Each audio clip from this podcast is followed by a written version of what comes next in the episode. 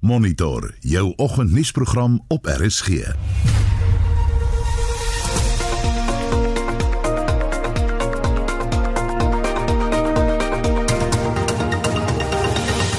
ons programme volgens skole sê daar is leemtes in die onderwysdepartement se voorsiening van veiligheidstoerusting teen COVID-19.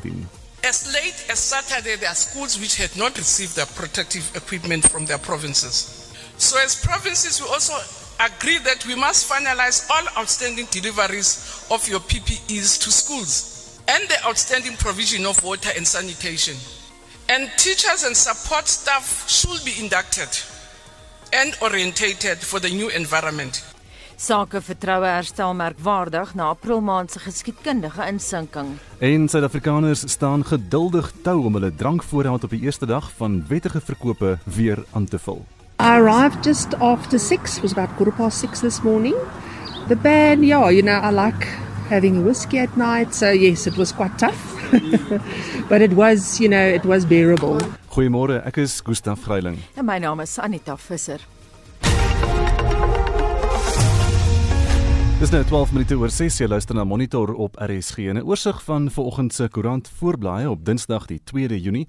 Die burger se opskrif: Weskaap kaalvuis gepak oor skole. Provinsie gaan hom nie steur aan minister se uitdraai en dit nadat die Menseregte Kommissie en vakbonde die provinsiale regering kaalvuis gepak het oor sy besluit om skole gister steeds te heropen. Meeste graad 7s en 12s het wel opgedaag. Die Menseregte Kommissie wil nou teen vanmiddag 2 uur bevestiging hê dat geen akademiese aktiwiteite hierdie week gaan plaasvind nie. En daar's ook 'n berig wat sê 500 Weskaapse polisiebeamptes is die week positief getoets vir COVID-19. Beeld se opskrif vandag vrywaringsvorms vrywaar niemand. Dis die waarskuwing van die direkteur-generaal oor skole wat ouers sulke vorms laat teken in geval hulle kinders by die skool COVID-19 opdoen. Daar's ook heelwat foto's van leerdlinge wat ondersoek word vir koors en met maskers aan binne die klaskamer sosiaal distansieer. En dan die stryfs van Nelspruit takel die gewapende rowers wat by hulle huis op 'n hoewe buite die stad ingebreek het met 'n bofbalkolf uh, sodat hulle die paniekknoppie betyds kan druk. Geen rowers kry hulle onder nie, sê die stryfs. Volksblad se opskrif: Administrateur in rommel twis help om Metro se vullis te verwyder. En dis die Mangaung administrateur wat so maak terwyl die vullis verwyderingspolitiek in die stad al hoe vuiler word. En 'n berig ook wat sê graad 10s leer nie meer van verjaar oor die Anglo-Boereoorlog nie. Ons ook petrol nuus op Volksblad, 'n stygings van meer as 'n rand per liter wat op pad is. Business Day het die nuus oor die groot SAL plan, die konsepdokument sê 21 miljard rand is nodig om al die skuld van die ou SAL te delg en die nuwe lugdienste kapitaliseer. En ook Shamila Batoy van die NVG sê dis belangrik dat president Cyril Ramaphosa al die top vakante posisies by die nasionale vervolgingsgesag vul meer as 6 maande nadat dit vakant geraak het. En vinnig internasionaal op bbc.com Trump dreig hy gaan die soldate instuur om die gewelddadige protes oor die FSA1 stop te sit. En dis vinnige oorsig van vanoggend se nuus. Het jy gister die eerste dag van wettige drankverkope benut om jou voorrade aan te vul? Het jy lank in 'n ry gewag? Het jy vroeg opgestaan of nie? Hoekom nie? Laat weet ons oor jou ervaring. Jy kan vir ons 'n SMS stuur na 45889 teen R1.50 of jy kan gaan na facebook.com vorentoe skynstreep ZRC of WhatsApp vir ons stemnota na 076 536 6961 076 536 6961 61. So 14 minute oor 6 en Suid-Afrikaners landwyd het gisteroggend vroeg na drankwinkels gestroom na die verbod op die verkoop van drank op vlak 3 van die nasionale grendeltydperk opgehef is. President Cyril Ramaphosa het aangekondig dat alkohol slegs tussen 9:00 in die oggend en 5:00 die middag van maandag tot donderdag verkoop mag word. Geen verkope sal oor naweke en op openbare vakansiedae plaasvind nie. Mitsi van der Merwe doen verslag. Talle mense in Johannesburg het die koue weer aangedurf om lank voor openingstyd 'n plek in die ry by drankwinkels te kry. Aan die Wesrand was die rye voor 6 uur reeds baie lank. By die Makro in Stroobensvallei het die ry rondom die winkel gekronkel met streng sosiale distansieringsreëls wat afgedwing is. 'n Klant voor in die ry was baie entoesiasties om uiteindelik drank te kon koop. I arrived just after six, it was about quarter past six this morning. The band, yeah, you know, I like having a whiskey at night. So yes, it was quite tough, but it was, you know, it was bearable. Okay, so why are you here this morning so early?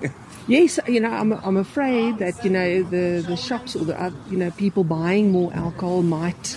When I come tomorrow or the day after, there might not be any left. So I just wanted to make sure that I get a bottle of wine or two. So yes, so I just wanted to make sure that um, we don't run out. Die meeste mense voor in die ry was kleinhandelsake eienaars en tavernebase wat kom voorraad haal het. Hulle is haastig om weer sake te doen na alles vir meer as 3 maande stil gestaan het. The ban wasn't really good for us because no income. So as soon as we heard the sale of liquor is allowed, and we phoned around to check if we are actually allowed and if we need licenses and stuff. So yeah, we got everything ready and plan to open tomorrow. Uh, on the ban, uh, it was bad because we were crippled as like Shabinas. Yeah, like we lost lots of income, and as of today, like our workers are not working, and yeah, like it was very bad for them. Yeah, that's what I can say. So why are you here today? What are your main stock you're coming to get? Everything from yeah, your bottles, uh, the the whiskey, brandy, uh, the cases. Intussen het daar in Bloemfontein in die Vrystaat ook lang rye voor groot drankwinkels gestaan. Teen 8uur 'n uur voordat Makro sou oopmaak, het sommige klante hulle menings gedeel.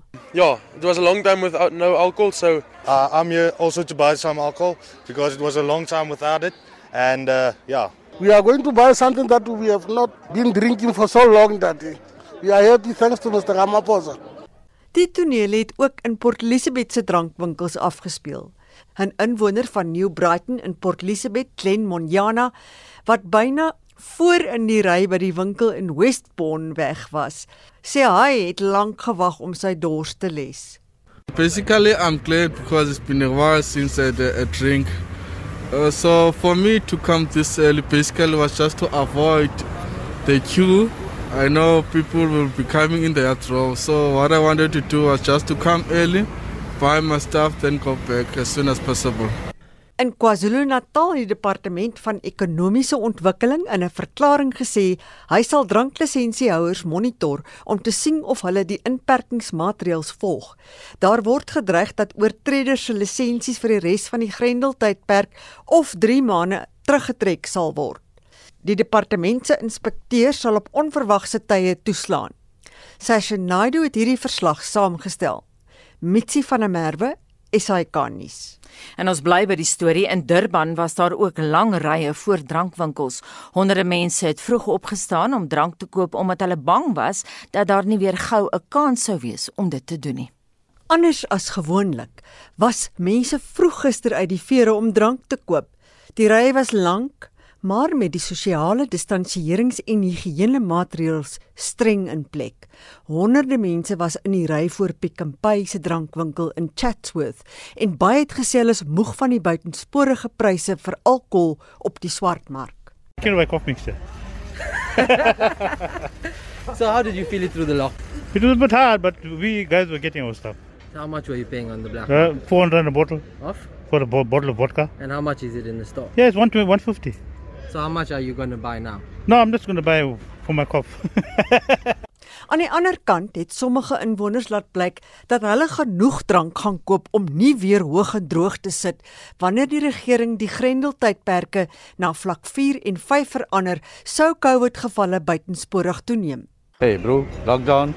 It killed us for quite a while, so now we need drink. At least they're opening up one thing for now. I think it'll be a benefit to the community as well. I mean, at least those will behave, but they'll stay in their houses. Prices of alcohol during the lockdown was quite exorbitant, and uh, for a quart of beer, you're paying up to like about 70 rand.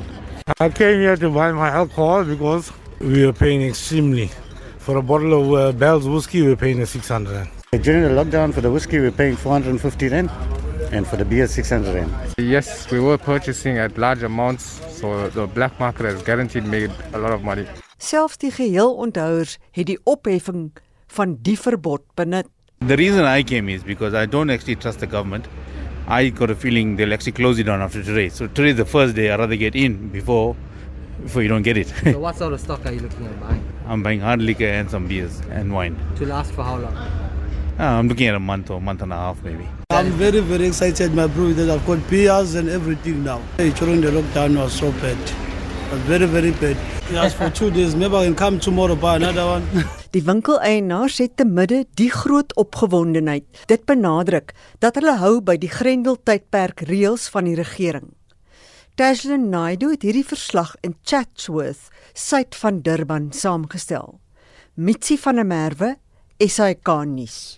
Dis nou 21 minute oor 6 by Monitor op RSG en die sakeverslag word aangebied deur Dawie Klopper van PSG Wealth Pretoria Oos. Môre Dawie. Goeiemôre Gustaf. Ten spyte van aangaande spanning oor die sosiale onrus en protes in die FSA en dan ook die handelsspanning tussen die FSA en China oor Hong Kong, het aandelebeurse in die FSA gisterand hoër gesluit. Boonop het die aankope bestuurdersindeks in die FSA op 'n vlak van 43.1 ingekom wat wat beteken daardie ekonomie is steeds diep in teres, uh, eh, resessie terrein. Die Dow Jones het met 0.4 van 'n persent sterker gesluit op 25475 punte.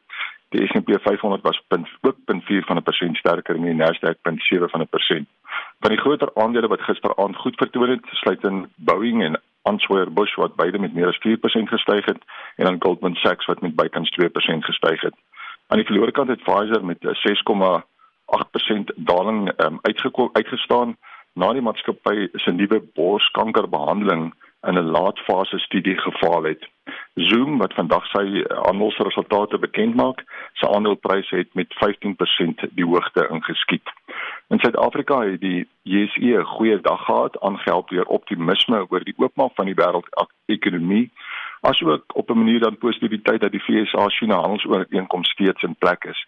Die JSE styg dan ook met 0.9% tot 50929 punte.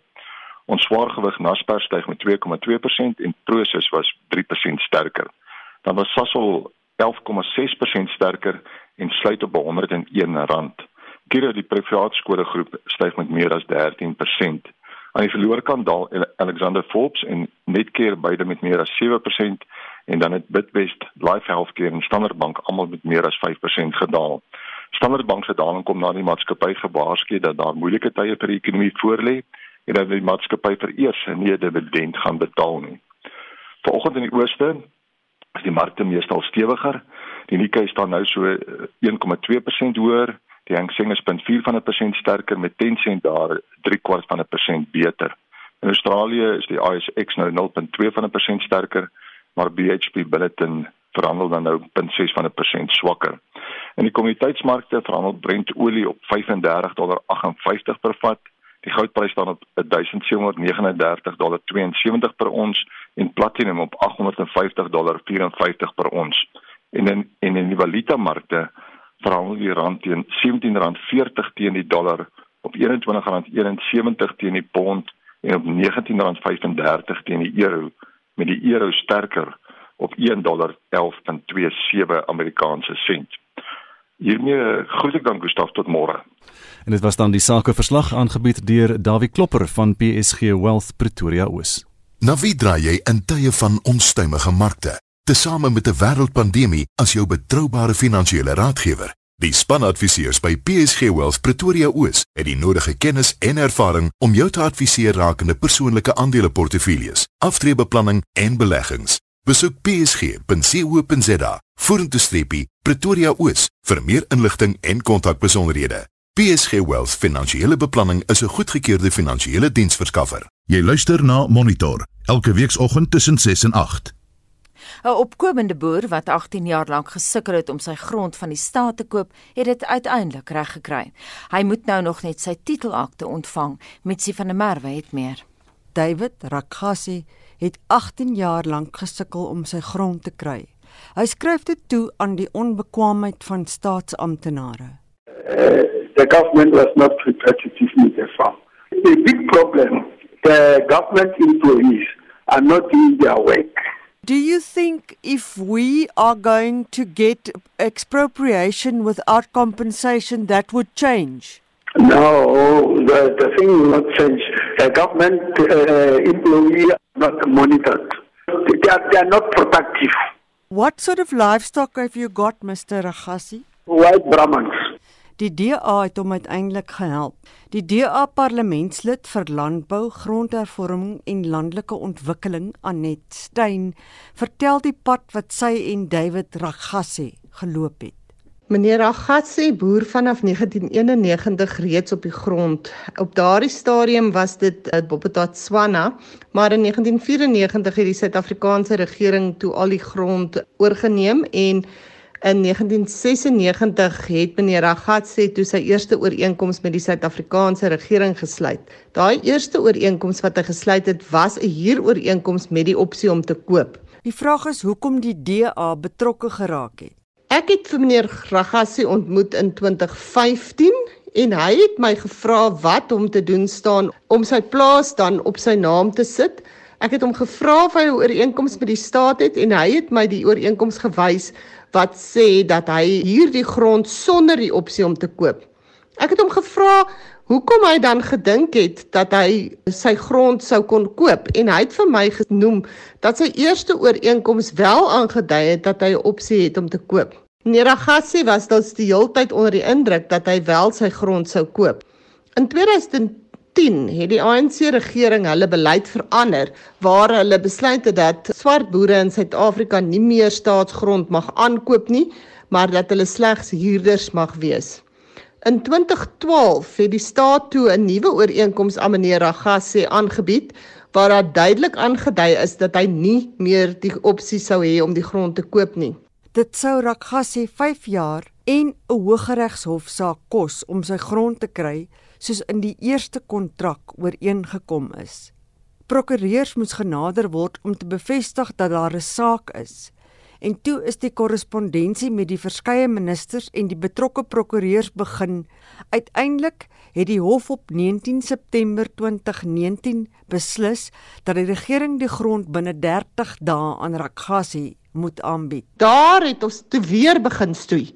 Daar is allerlei verskonings aangebied oor hoekom hulle toe nie die grond aan hom kan aanbied nie en uiteindelik met 'n heen en weer gestoeiery en 'n geskrywery en baie gesprekke in die parlement met die minister en baie druk deur media op die minister is hierdie saak toe maandag aand hierdie week het meneer Ragat sê 'n ooreenkoms van die staat gekry wat hulle ooreenkom dat hy nou die grond gaan koop by die staat. Steyn sê hy is die plaas aangebied met dieselfde prys as wat die geval sou wees in 2002. Dit is vir ons 'n baie belangrike saak. Ons is op die oomblik ook in gesprekke met 'n onteiening sonder vergoeding en dit is 'n onmoontlike saak vir boere om met hierdie las oor hulle koppe te boer. Ons weet uit die jare se gesukkel van meneer Agasse hoe moeilik dit is vir mense om te boer. En as jy nog met boer met 'n swaard wat oor jou kop hang dat jy die grond nie besit nie. In meneer Agasse se saak het daar plakkers op sy grond kon woon en hy kon nie van hulle ontslaa raak nie want as hy die hof nader het die hof gesê maar hy het nie 'n punt nie want hy is nie die eienaar van die grond nie en die staat het net niks daaraan gedoen nie. Anet Steyn is die DA skadu minister van landbou, grondhervorming en landelike ontwikkeling. Mitsi van der Merwe, SAK nuus.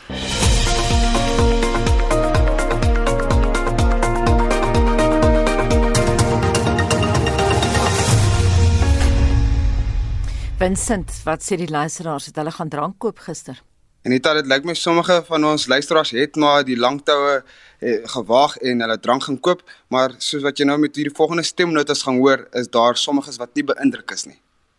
Goeiemôre, ek wil net my opinie gee van die drank. Ek nie 'n ou wat drink en dit nie, maar hulle kon die borrelstorie heeltemal toegemaak het en die sigarette verkoop het, want die drank veroorsaak ongelukke, sigarette nie kom maak hulle nie drank toe nie. Goeiemôre RSG. Is dit nie snaaks dat mense vir drank in 'n ry gaan staan en dit van 5, 6 uur af nie? Ek drink ook 'n wyntjie of 'n sherrytjie, maar rarig, ek skaam my partytjie vir die Suid-Afrikaners wat rarig nie dissipline en orde in hulle lewe het nie. Regtig, dis 'n skande en om te hoor dat mense in die grendeltyd tot 4, 5, 600 rand vir 'n bottel whisky betaal het, 75 rand vir 'n bottel bier. Goeie genigtig. Geen wonder ons is presies waar ons is nie. Dankie vir die mense wat regtig hulle selfbeheersing toegepas het. Maar nou ja, mens kan niks seker verander in hierdie land en ander lande nie. Mense moet maar self besluit. Baie dankie. Klein van Springs. So ons wil by ons luisteraars weet, het hulle nou die eerste dag van die wettige drankverkope benut om hulle voorraad aan te vul en het hulle nou in die lang tou gewag, vroeg opgestaan of nie? of hoekom dan nie? Laat ons weet van jou ervaring. Stuur vir ons jou boodskap um 45889 teen R1.50 per SMS of jy kan jou mening op, op ons Facebook blad deel by facebook.com vorentoe skynstreep ZARSG en jy kan ook gerus jou stemnota stuur. Ons WhatsApp nommer is 07 0765366961 en onthou daai stemnota so 30 sekondes te hou. Ek herhaal 0765366961. Dis nou 23 minute voor 7 en ons beweeg na die sportveld met Shaun Jooste. Kom ons begin met perderesies nuus. Die eerste sportbeeenkoms in Suid-Afrika sedert die nasionale inperking op 26 Maart begin het, was gister se perderesies in Durban. Die baan by Greyville het die eer gehad en die dag se groot wenner was die joggie Anton Marcus wat met opskip en jump Fred, Fast Love, Farland en Winter Chill gewen het. Die val driehoek bied vandag se aksie aan. Elke resies kan uit 12 of 14 perde bestaan. Netbal. Die Proteas bly 5de op die internasionale netbal federasie se jongste ranglys wat wedstryde voor die wêreldsportkalender deur die koronaviruspandemie lam gelê is insluit. Die Nasiesbeker in Engeland in Januarie vorm deel van die wedstryde. Nieu-Seeland het die toernooi gewen en Suid-Afrika was 4de. Australië is die voorlopers op 207 punte, Nieu-Seeland is tweede op 182, Jamaica en Engeland is derde en vierde op 172 en die Proteas vyfde nou op 148 punte. Australië het intussen aangekondig dat vanjaar se vierhoekige reeks wat Nieu-Seeland, Engeland en Suid-Afrika sou insluit gekanselleer is en op 'n latere stadium geherskeduleer sal word. Motorsport Volgens berigte in die media oorweeg Formule 1 baas dit steeds om 'n omgekeerde roosterwedren oor agtereenvolgende naweke te hou. Oostenryk en Engeland sal twee agtereenvolgende wedrenne aanbied en een van die naweke kan moontlik gebruik word om die konsep te toets. 'n Omgekeerde roosterwedren sal dan op die Saterdag gehou word om die wegspringplekke vir Sondag se wedren te bepaal. Normale kwalifikasie sal oor die ander naweke plaasvind. Al 10 spanne moet instem om die konsep 'n toetsloopie te gee. McLaren was tot dusver nie ten gunste van die omgekeerde rooster nie, maar kan dalk tydens die offisiële stemproses van mening verander. Die Formule 1 seisoen word op 5 Julie in Oostenryk hervat. In laastens in sokkernuus, na ronde 29 van die Duitse Bundesliga is Bayern München steeds voor op die punteleer en het nou 67 punte. Borussia Dortmund het 60, RB Leipzig 58 en Borussia Mönchengladbach en Bayer Leverkusen 56 punte elk. Shaun Schuster SAK Sport.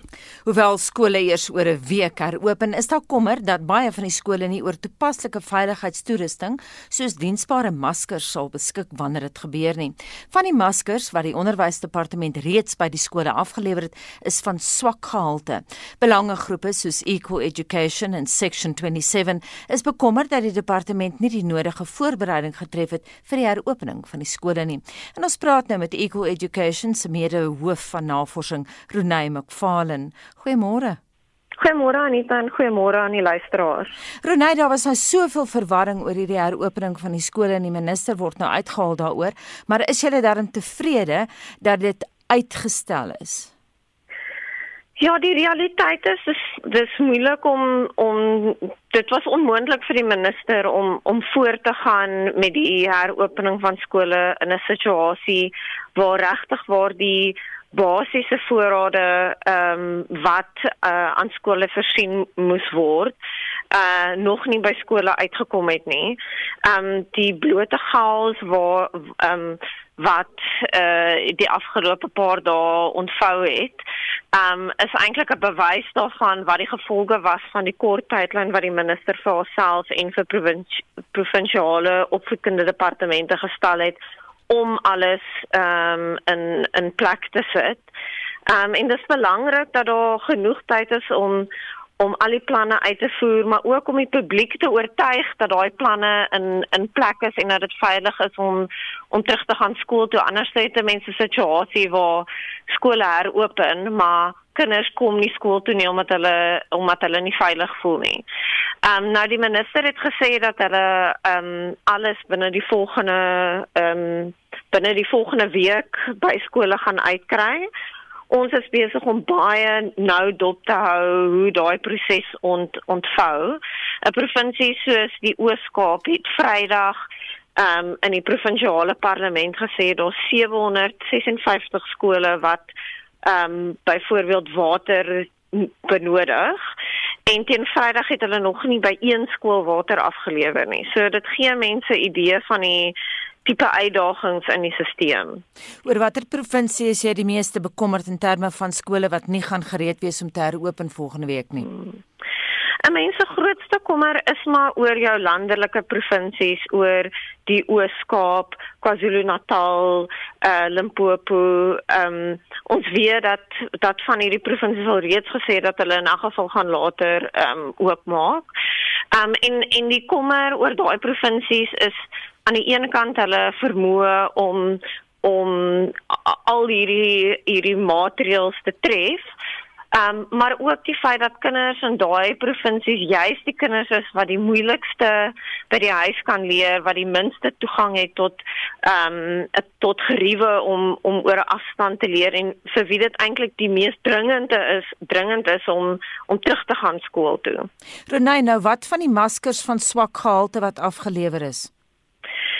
Ja, die die dit dit is dit is baie jammer um, om om sulke tipe goeders te hoor want dit sit obviously die hele stelsel net net verder ehm um, terug. Ehm um, daar daar is uh, sprake dat byvoorbeeld party verskaffers um nie eerlik was oor die voorraad wat hulle beskikbaar het nie en hulle vermoë om voorraad by skole uit te kry en dat dit in provinsies soos die Oos-Kaap en Gauteng verder die aflewering van maskers vertraag het. En natuurlik sulke komplikasies met um dra ook by tot probleme in terme van gehalte.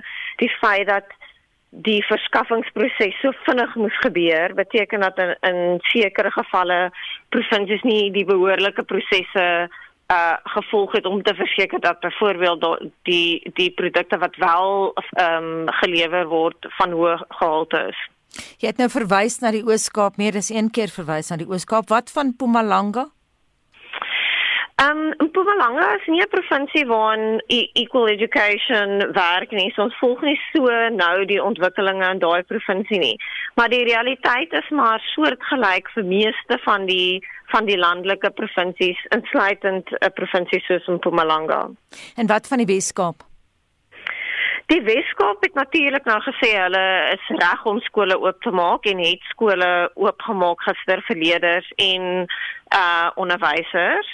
Ehm um, en mens bly natuurlik bekommerd oor die feit dat die virussyfers in die Weskaap juis nou aan die styg is en wat die implikasies veral vir onderwysers is wat ehm um, ons weet ouer is en en moontlik onderliggende uh, siektes het wat hulle meer kwesbaar maak vir die virus.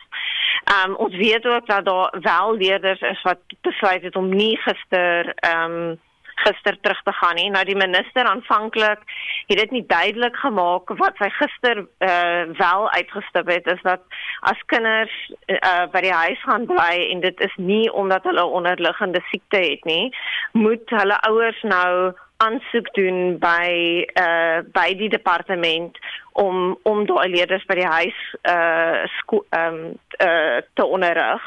Uh maar kinders kan nie net eenvoudig wegbly omdat hulle uh bekommerd is nie. Baie dankie en so sê Eco Education se meerhoof van navorsing Renay McFarlane. Dis nou so kwart voor 7 en ons bly by die storie. Die minister van basiese onderwys, Angie Motshekga, het dan gister by daardie nuuskonferensie aangekondig dat skole nou eers volgende maandag vir graad 7 en 12 leerders heropen omdat nie alle skole gister gereed was nie. Die minister het verskoning gevra dat die besluit op so kort kennisgewing gemaak is, maar dit het wye reaksie uitgelok en ons praat nou met 'n navorsingsgenoot aan die Universiteit van Johannesburg se sentrum vir onderwys praktyknavorsing Dr. François Naudé. François, goeiemôre. Goeiemôre Gustaf. So die minister sê dat angs op onderwysers se gesigte gesien kon word en dat hulle dalk nie gereed sou wees om gister te kon begin nie. Maar sal hulle nou oor 7 dae gereed wees? Gustav, ons moet net eerstens verstaan dat die onderwysers se angs is 100% te verstaan, maar die angs is nie omdat hulle nie gereed was om te begin klas gee nie. Die angs kom as gevolg van die geweldige druk waaronder onderwysers moet werk en die feit dat ons onder soveel kort kennisgewing hierdie verskriklike regulasies in plek moet kry en dat waar onderwysers basies die voetsoldate in hierdie oorlog is en ons word met hierdie ehm um, geweldige disrespek gehanteer dat die minister nie eers die ehm um, die die die aankondiging uh, deur die media kan maak betyds nie. So die die angs wat gesien word is as gevolg van die druk wat die ministerie op die onder, onderwysstelsel geplaas het en op die einde van die dag is dit die onderwysers wat die wat die grootste ly hieronder omdat hulle die mense is wat alles um, in plek moet kry. Onderwysers is gereed om om volgende maandag te begin want ons was gereed om klas te gee gister. Dis die ander ehm um, uh uh uh, uh effekte wat uh, die angs veroorsaak. Nou minister Motshekga sê sekere skole was dan nou wel 80% gereed om gister te kon begin. Hoe weet 'n mens of 'n skool dan nou gereed is?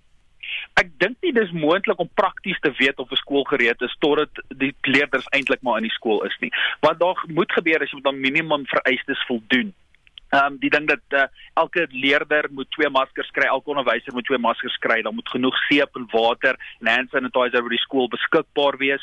Jou personeel moet almal um, georiënteer en opgelei word oor die nuwe protokolle en die hoofde moet uh, beleidsdokumente in plek hê. Dis omtrent die die minimum vereistes um, om te weet of 'n skool dalk gereed sal wees om te kan begin. Franswa in Frankryk moes honderde skole weer toemaak nadat dit heropen het weens uitbrekings. Wat dink jy gaan Suid-Afrika gedoen word?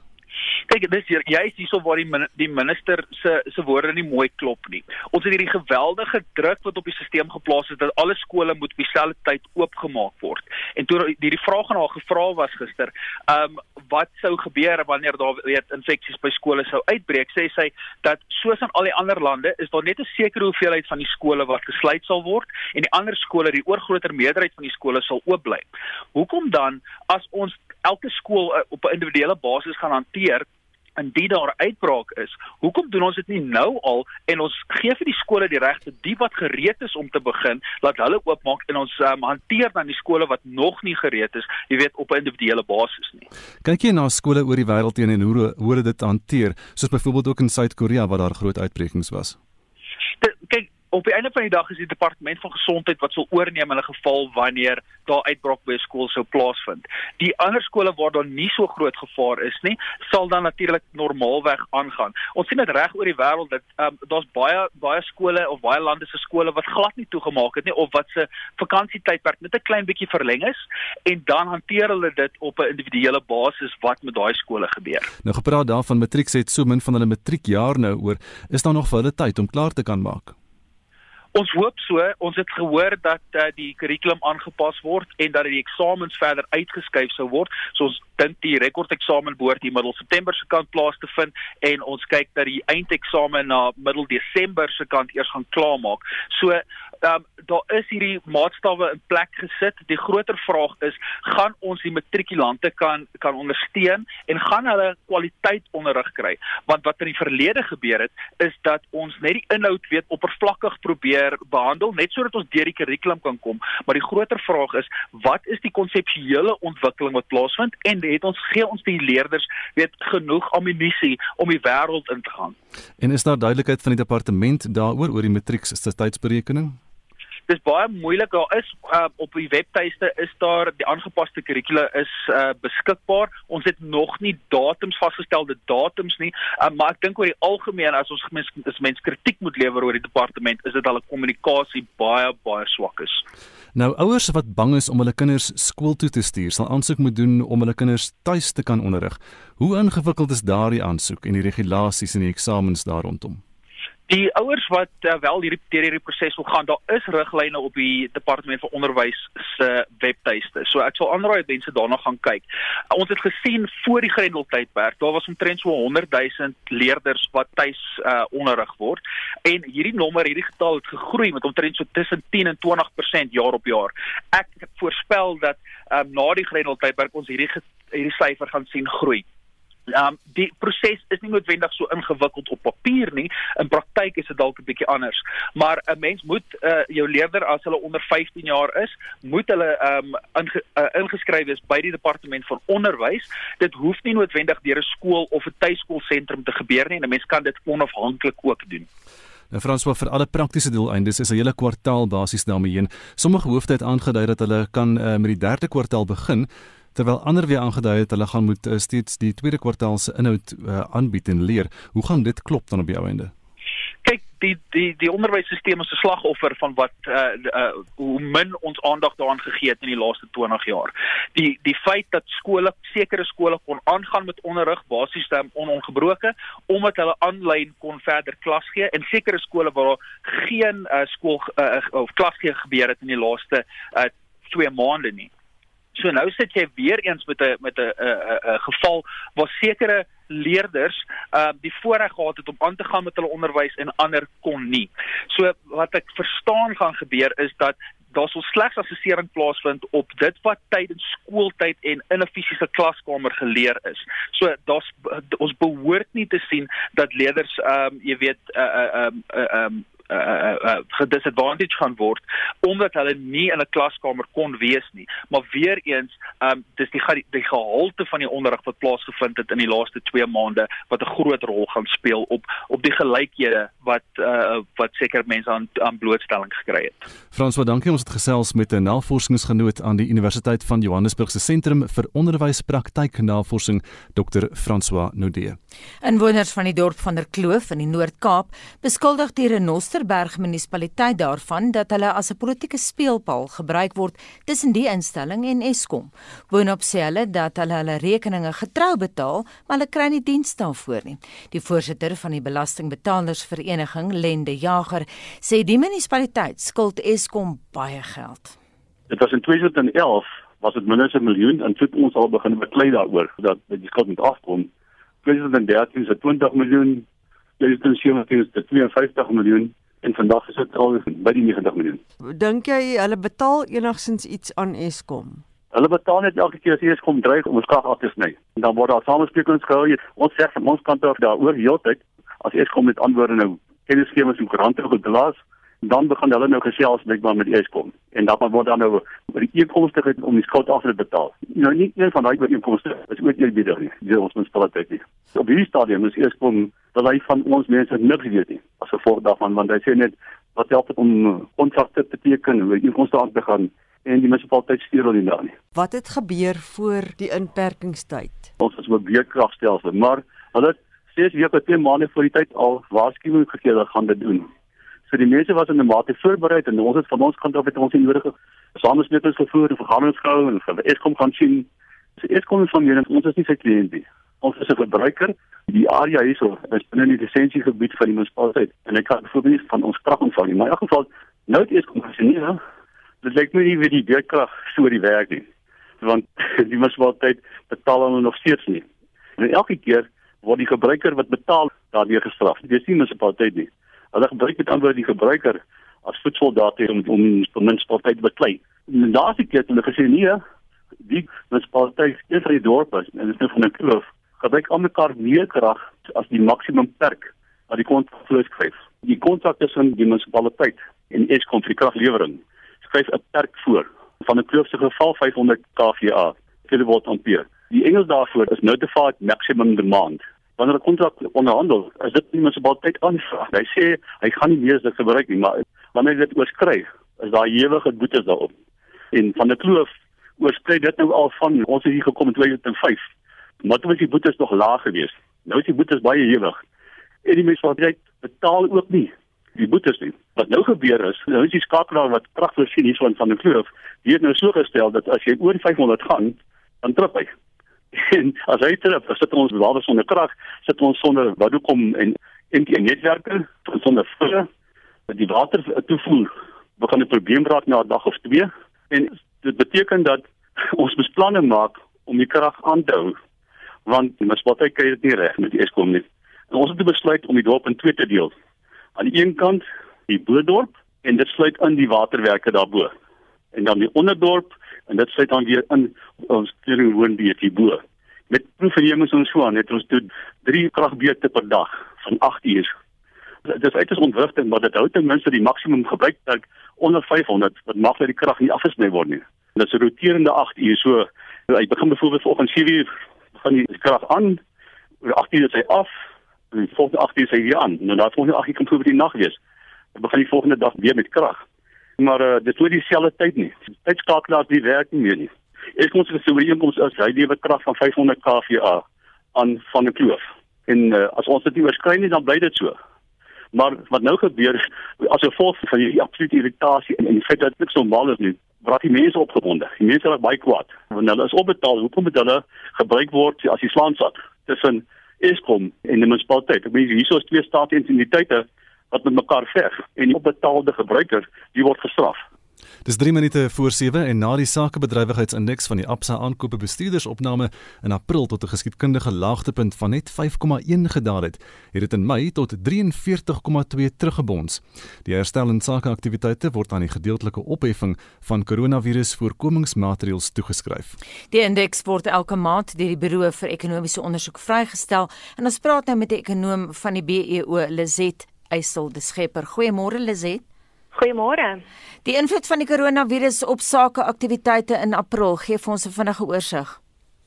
Wel in April het ons gesien dat die uh, meeste fabrieke eintlik ophou produseer het en in Mei het dinge bietjie beter gelyk, maar ek dink dit is baie belangrik om te noem dat hierdie 'n relatiewe vergelyking is. Baie van ons respondente het gesê dat hulle byvoorbeeld net teen 20% kapasiteit hardloop, dat hulle net noodsaaklike goedere produseer of net uh, die uitvoermark teiken.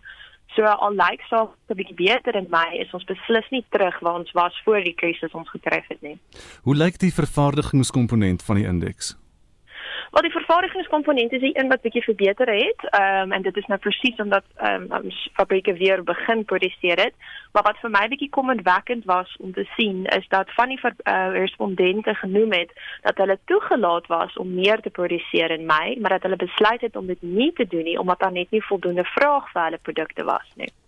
Wat van 'n En diensneming is ongelukkig baie swak gebly. Die, aanwysers het op vlakke gebly baie uh, onder wat ons gesien het in die 2008-9 finansiële krisis. En ons weet dat formele diensneming baie keer aktiwiteit tendense sloer. So dit beteken dat daar nog werksverliese op pad kan wees vir die sektor. Lisette die inventaris indeks, wat is dit in dit herstel? Die inventaris indeks het bietjie beter gelyk, maar dit bly maar nog steeds baie vlak. Hmm. Wat is die vooruitsigte dink jy? Die respondente self lyk bietjie beter of uh, voel bietjie beter oor uh, oor sake. Hulle dink sake gaan bietjie beter lyk like oor 6 maande as wat hulle nou doen. Ehm um, ek dink vlak 3 gaan natuurlik meer toelaat in terme van die ander uh sektore in die ekonomie, van die boubedryf, van die mynbou, die klein en die groothandel. So dit mag dalk help op vraag, maar as met maar sien hoe gaan dit ook aan die globale kant. Die ouens wat byvoorbeeld uitvoer, gaan moet sien dat die wêreldekonomie ook bietjie beter lyk like vir sake om te verbeter vorentoe. Lisette, wat verwag jy gaan gebeur met die wêreldekonomie? dit is 'n moeilike vraag. Ons mm. gaan maar moet sien ehm um, hoe sake uitspeel. Ons het byvoorbeeld die die PMI uh, aanwysers uh, gesien vir die res van die wêreld wat gister ook uitgekom het en uh, hulle het bietjie beter gelyk soos wat mense sou verwag uh, in vergelyking met April. Maar byvoorbeeld in China wat nou die eerste was om in die krisis in te gaan en die eerste was om uit die krisis uit te kom, is dit nou juis hierdie swak vraag wat hulle nog terughou. So dit gaan dalk 'n hele rukkie by ons wees. Baie dankie en daai voorspelling kom van Lizette Eysel de Schepper van die Buro vir Ekonomiese Onderzoek op Stellenbosch en daardie onderhoud bring ons tot by 7uur. Esai Kahnis, onafhanklik, onpartydig.